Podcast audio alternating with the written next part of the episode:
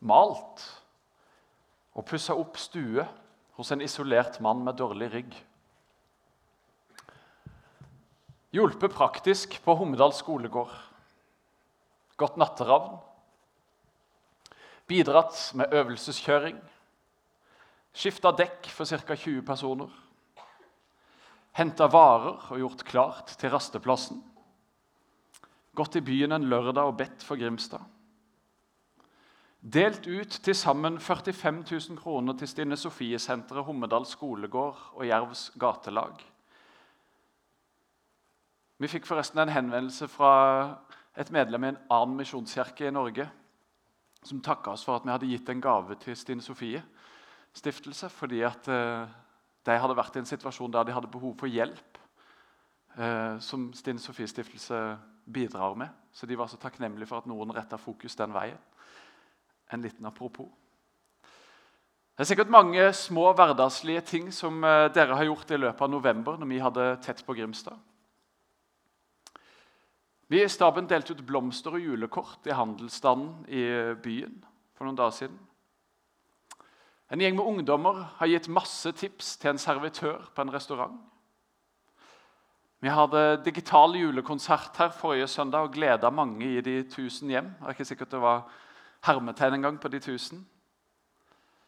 Det fins barn som har lagd adventskalender med koselige lapper til en besteforelder. Det er flere som åpner dørene og hjemmene sine for, no, for, de som ikke har noen å feire jul med, og inviterer de hjem. Sånn som Helge og Helga Syversen var på NRK med. Noen har gitt husrom og hjelp til en angstlidende.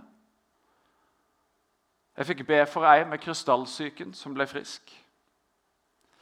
Vi har samla inn og samler fremdeles inn og skal dele ut hundrevis av gaver fra hele byen til de som trenger det mest. Det er ja, et fantastisk syn å gå oppe her og se det havet av gaver som dere og som hele byen har vært med å samle inn. Landvik skole har hatt omvendt adventskalender og kommer med søppelsekker, 10-12 søppelsekker fulle av Lego og gaver som vi får lov å være med og dele ut til jul. Og Rasteplassen og andre bidrar til julaftenfeiring her for 50 stykker. Men de skal jo kjøre hjem varm mat og julegaver til folk som skal feire hjemme. Fordi at I fjor var det 130 her på julaften, og det er det ikke plass til i år.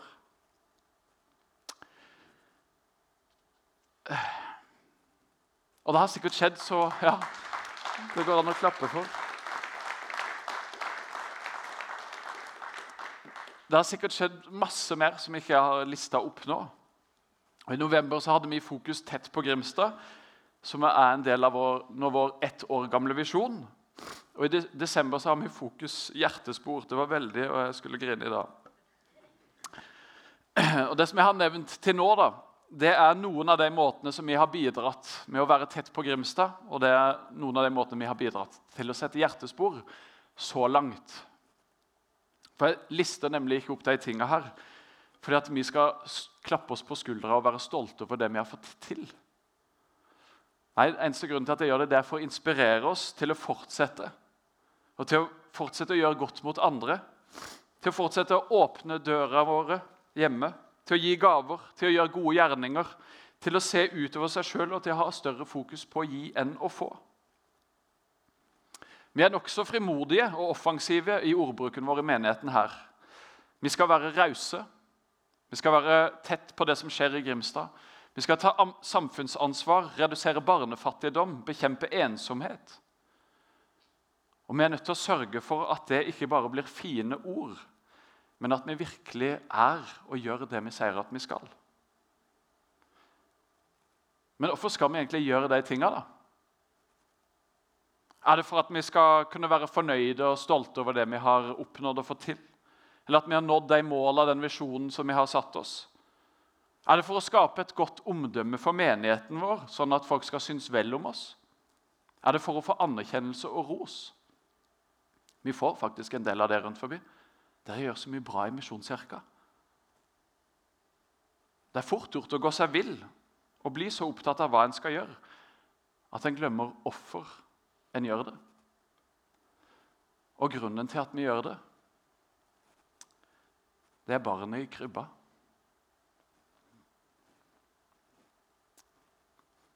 Det lille, uskyldige barnet som ble født i en stall en stjerneklar natt for 2000 år siden. Jesus Kristus, verdens frelser, denne menighetens hode. han er hovedårsaken til at vi skal være tett på Grimstad, og til at vi skal sette hjertespor i mennesker. Han er opptatt av menneskene som vi har rundt oss. Han elsker dem, rett og slett. Og han har elska oss først, sånn at vi kan elske andre. Vår kjærlighet er en respons på den kjærligheten han har gitt oss. Han sier at vår kjærlighet skal rettes mot Gud, og den skal rettes mot våre medmennesker, de vi har rundt oss. Tett på Jesus, hverandre og Grimstad, det er visjonen vår. Og tett på Jesus det er utgangspunktet for alt. Hos han er livets kilde. Han som er troens opphavsmann og fullender. Han er skaper av alt. Han er verdens frelser. Han kommer til sitt skaperverk for å redde verden. For å finne det som var fortapt, og berge det. Og Han sjøl viste oss åssen vi kan leve det beste livet. Han levde tett på sin far, tett på sine disipler og tett på omgivelsene. Og særlig de som var utstøtt og utafor. Og han har gitt oss oppdraget om å fortsette med det til han kommer tilbake for å hente sine hjem. Og Noen ganger så kan dette oppdraget som han har gitt oss, det kan virke uoverkommelig. Det kan virke for stort, og det kan virke meningsløst. Hva hjelper det om jeg gjør noe? Behovene er for mange. Nøden er for stor. Mitt bidrag endrer jo ingenting. Det er bare en dråpe i havet. Kanskje du har tenkt sånn. Mor Teresa, en nonne som i 1948 begynte å hjelpe døende mennesker på gata i Calcutta, hun har skrevet noe som kan hjelpe oss til å se ting litt klarere, tror jeg. Hun skrev nemlig jeg ser aldri mengden som mitt ansvar. Jeg ser bare individet. Jeg kan bare elske én person av gangen. Jeg kan bare mette én person av gangen. Bare den ene. Den ene. Den ene. Vi kommer nærmere Kristus ved å komme nærmere hverandre. Jesus sa, 'Det dere gjorde mot en av mine minste søsken, har dere gjort mot meg.' Så du begynner. Jeg begynner. Jeg hjelper én person. Hele arbeidet er bare en dråpe i havet. Men hvis vi ikke bidrar med denne dråpen, blir det én dråpe mindre i havet. Det samme gjelder det. Det samme gjelder familien din. Det samme gjelder menigheten du går i. Bare begynn. Den ene, den ene, den ene. Når livet er over, skal vi ikke dømmes etter hvor mange diplomer og grader vi fikk. Hvor mange penger vi tjente, eller hvor mange store ting vi gjorde. Vi skal dømmes etter 'Jeg var sulten, og dere ga meg mat.' 'Jeg var naken, og dere kledde meg.' 'Jeg var hjemløs, og dere tok meg inn.' Den ene, den ene, den ene. Mor Teresa begynte med den ene og fortsatte med den ene. Nå fins det arbeidet som hun starta i 133 land. Hun fikk tildelt Nobels fredspris i 1979. og Hun ble ansett for å være det mest beundra mennesket i det 20. århundre. Ingen kan bety noe for alle, men alle kan bety noe for noen. Som etterfølgere av Jesus så er vi kalt til å etterligne han. Og Han så den ene, og han identifiserer seg med den ene. Den ene som vi kan hjelpe og bety noe for. Og Det rare er at den ene den kan bety noe for oss. Den ene som vi hjelper, han eller hun kan vise oss mer av hvem Jesus er. I Jakobs brev 1.27 så står det en gudsdyrkelse som er ren og feilfri for Gud, vår far, er å hjelpe enker og foreldreløse barn i deres nød og ikke la seg flekke til av verden. Så å dyrke Gud eller å følge Jesus om du vil, det er å hjelpe den ene. Det er til Guds behag, og det er hans kall til oss som etterfølgere. Og som vi som, som mange ganger tror at det å dyrke Gud, det å møte opp i kirka søndag formiddag og synge lovsanger og be en liten bønn og lese i Bibelen og høre litt fra den. Men gudstjenesten søndag formiddag sånn som vi er samla i det er en ladestasjon for resten av uka når vi skal gå ut og følge Jesus og leve hverdagen vår med Han. Og Her så skal vi oppmuntres, vi skal utfordres og vi skal utrustes til å følge Jesus resten av uka. Til å se de som trenger oss. Til å gi heller enn å få. Til å gi videre det som Gud har gitt oss, og som vi har fått ta imot.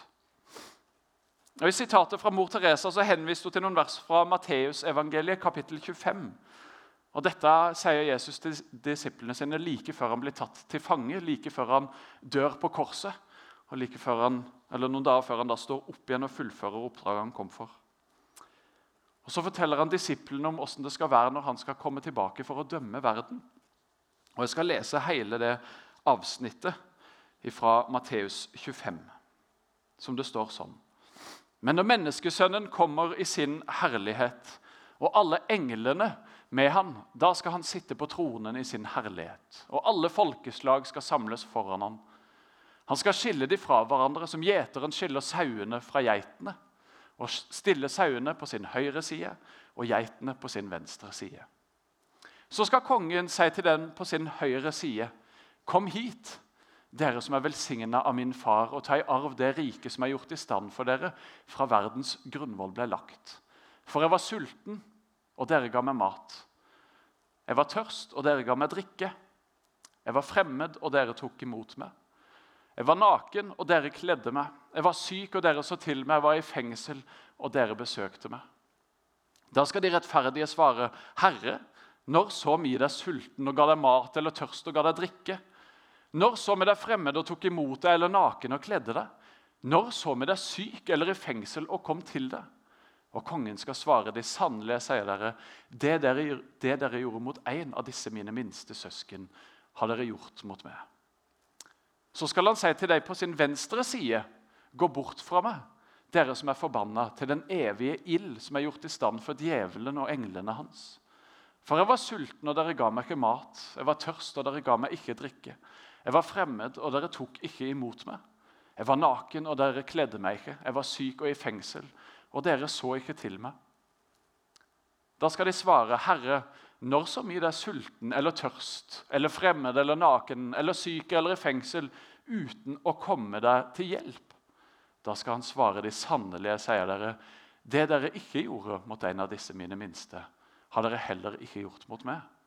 Og Disse skal gå bort til evig straff, men de rettferdige til evig liv. Dette er en krevende tekst på flere måter.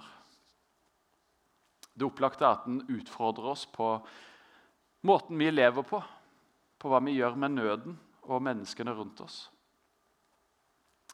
Og så er den utfordrende å tolke eksegetisk, som det heter. altså når en skal plukke teksten fra hverandre og finne ut hva den egentlig forteller oss.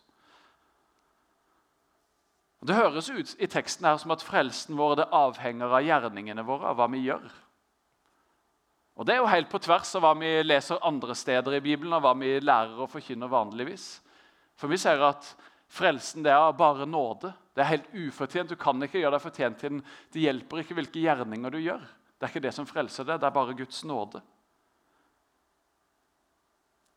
Et interessant poeng da, som vi kan merke oss i den teksten, her, det er at ingen av de som står for dommen, verken de som står på den høyre eller den venstre sida, er klar over gjerningene de har gjort eller ikke gjort.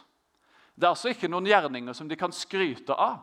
Se så flink jeg har vært. Jeg har jo gjort sånn, og jeg hjalp jo den. Nei, de husker det ikke. De vet ikke om det, de kjenner ikke til det. Så Det virker egentlig som at det er mer naturlige gjerninger som de bare har gjort uten å tenke så nøye over det, eller uten å ha en baktanke. Noe som, altså Det høres nesten ut som gode gjerninger som kommer av seg sjøl. Og det henger sammen med hva Jesus sier, og hva vi leser ellers i Bibelen.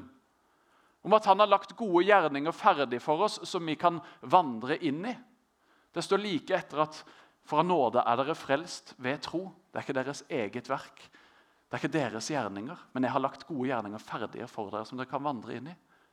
Bli i meg, så blir jeg i dere. Da vil dere bære mye frukt, sa Jesus.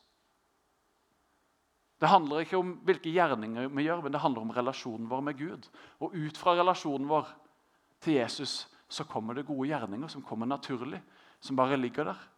Som vi kanskje ikke tenker over i hverdagen. De som blir dømt, da, og som ikke har hjulpet disse minste, en kan jo se for seg når de står der og får høre at det ikke de hjalp, og at de unnlot å hjelpe Jesus sjøl. Så tenker de kanskje, kanskje de til og med sier høyt Men hvis vi hadde visst at det var du, Jesus, da hadde vi jo selvfølgelig gjort noe. Vi var ikke klar over at det var du. Eller hvis vi hadde visst konsekvensene det ville hatt, at vi unnlot å hjelpe, eller konsekvensene ville hatt at vi hjalp, da ville vi selvfølgelig ha gjort det. Men det er ikke den typen hjelp det her dreier seg om. For det er en hjelp hvor en egentlig har seg sjøl i fokus. Hvor en kun hjelper for å få ros eller anerkjennelse. Hvor en kun hjelper for å oppnå noe, for å få det en ønsker seg. Og Det er rett og slett forkledd egoisme. Og det er noe Jesus ønsker å avkle oss med i relasjon med Han. Så Vi kan derfor fremdeles ut fra denne teksten holde fast på at ikke det er gjerningene som frelser oss, men det er etterfølgelsen vår av Jesus. Livet med Jesus det leder oss til å hjelpe mennesker på ulike vis, nesten uten at vi vet det. Det blir en naturlig del av hvem vi er når vi er sammen med Jesus, når han får prege oss, når han får røre ved vårt indre. Og så tror jeg samtidig at det er viktig og lurt og bra å øke bevisstheten vår rundt viktigheten av å mette de sultne, av å kle de nakne, av å ta imot de fremmede osv. Og, og bevisst gjøre noe for dem, for de som Jesus identifiserer seg med. Jeg tror, jeg tror, at Den beste måten å lære seg medlidenhet på, det er ikke ved å lese om det i Bibelen, men det er ved å praktisere det. Det gjør noe med oss og våre handlinger når vi møter et menneske med utfordringer som vi kan dekke.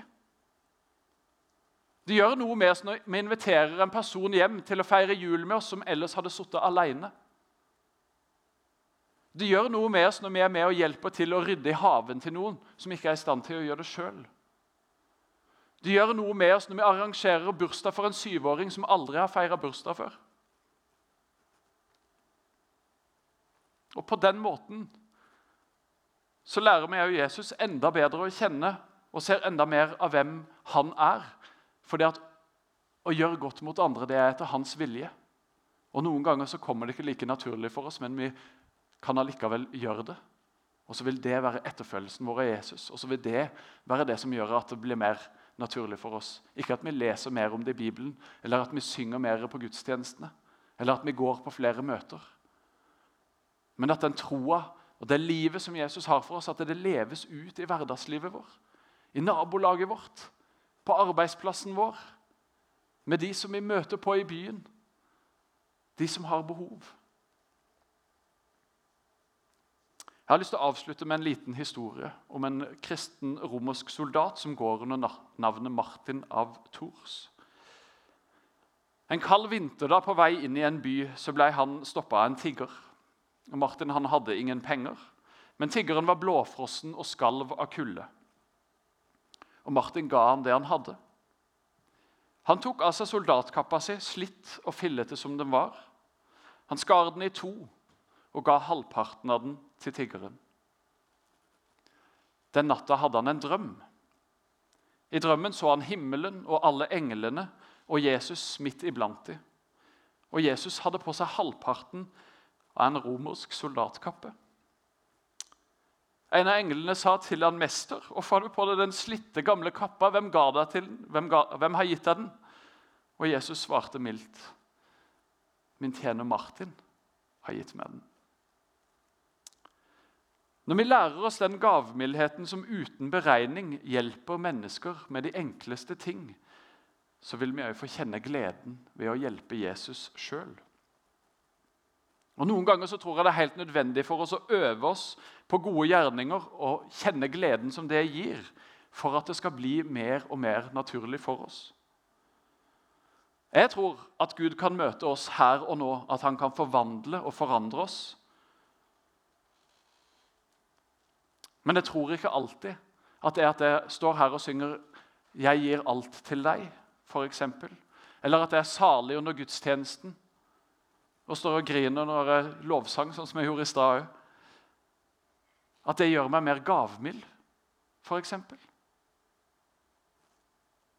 Men jeg tror at når jeg deler av det jeg har, og når jeg gjør noe godt mot andre, så formes jeg av det. Og på den måten blir, jeg mer, blir det mer og mer naturlig for meg. Og Derfor har vi hatt konkrete ting og oppdrag som vi har utfordra mennesker på å være med. Vi har utfordra på å gi penger som vi skal gi videre. Vi har utfordra på å dele med andre i hverdagslivet vårt. Vi har utfordra på å bidra praktisk til andre som trenger hjelp, for å gjøre det konkret for oss, for at vi skal kunne øve på det. Og Derfor har vi valgt å ha fokuset på hjertespor nå i desember som en slags forlengelse av Tett på Grimstad. Fordi at Gjennom rasteplassen og Hjerte til hjerte så har hun en anledning til å være med og bidra utrolig konkret ved å ta med seg et hjerte fra adventstreet som står her ute, og som står på biblioteket i byen og flere steder, og kjøpe en gave til noen som virkelig trenger det. Og På julaften så kan du melde deg som sjåfør mellom fire og seks og være med å kjøre mat og gaver hjem til de som skal feire hjemme, som ikke har muligheten til å komme her eller noen andre. En superkonkret måte å gjøre det på. Og Vi har masse andre konkrete ting. og Vi har laga adventskalender til bruk i hjemmet med fokus på å gjøre godt mot andre. Fordi at Når vi gjør det konkret, når vi øver oss, så preger det oss, så former det oss, og så gjør det noe med oss. Handlinger i praksis, det endrer oss. Jeg har lyst til å be nå til slutt om at Den hellige ånd møter, eller allerede har møtt oss, denne søndagen.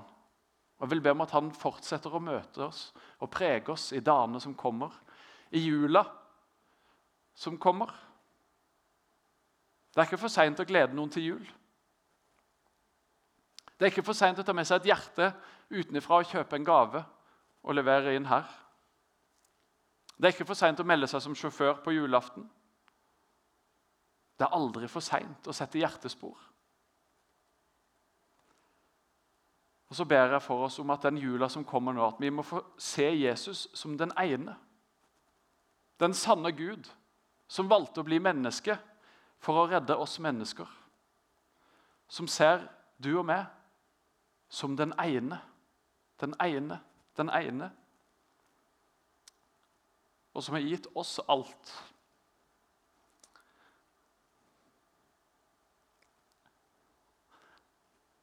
For at vi skal ha noe å gi videre. Sånn at vi kan se den ene, den ene, den ene. Jesus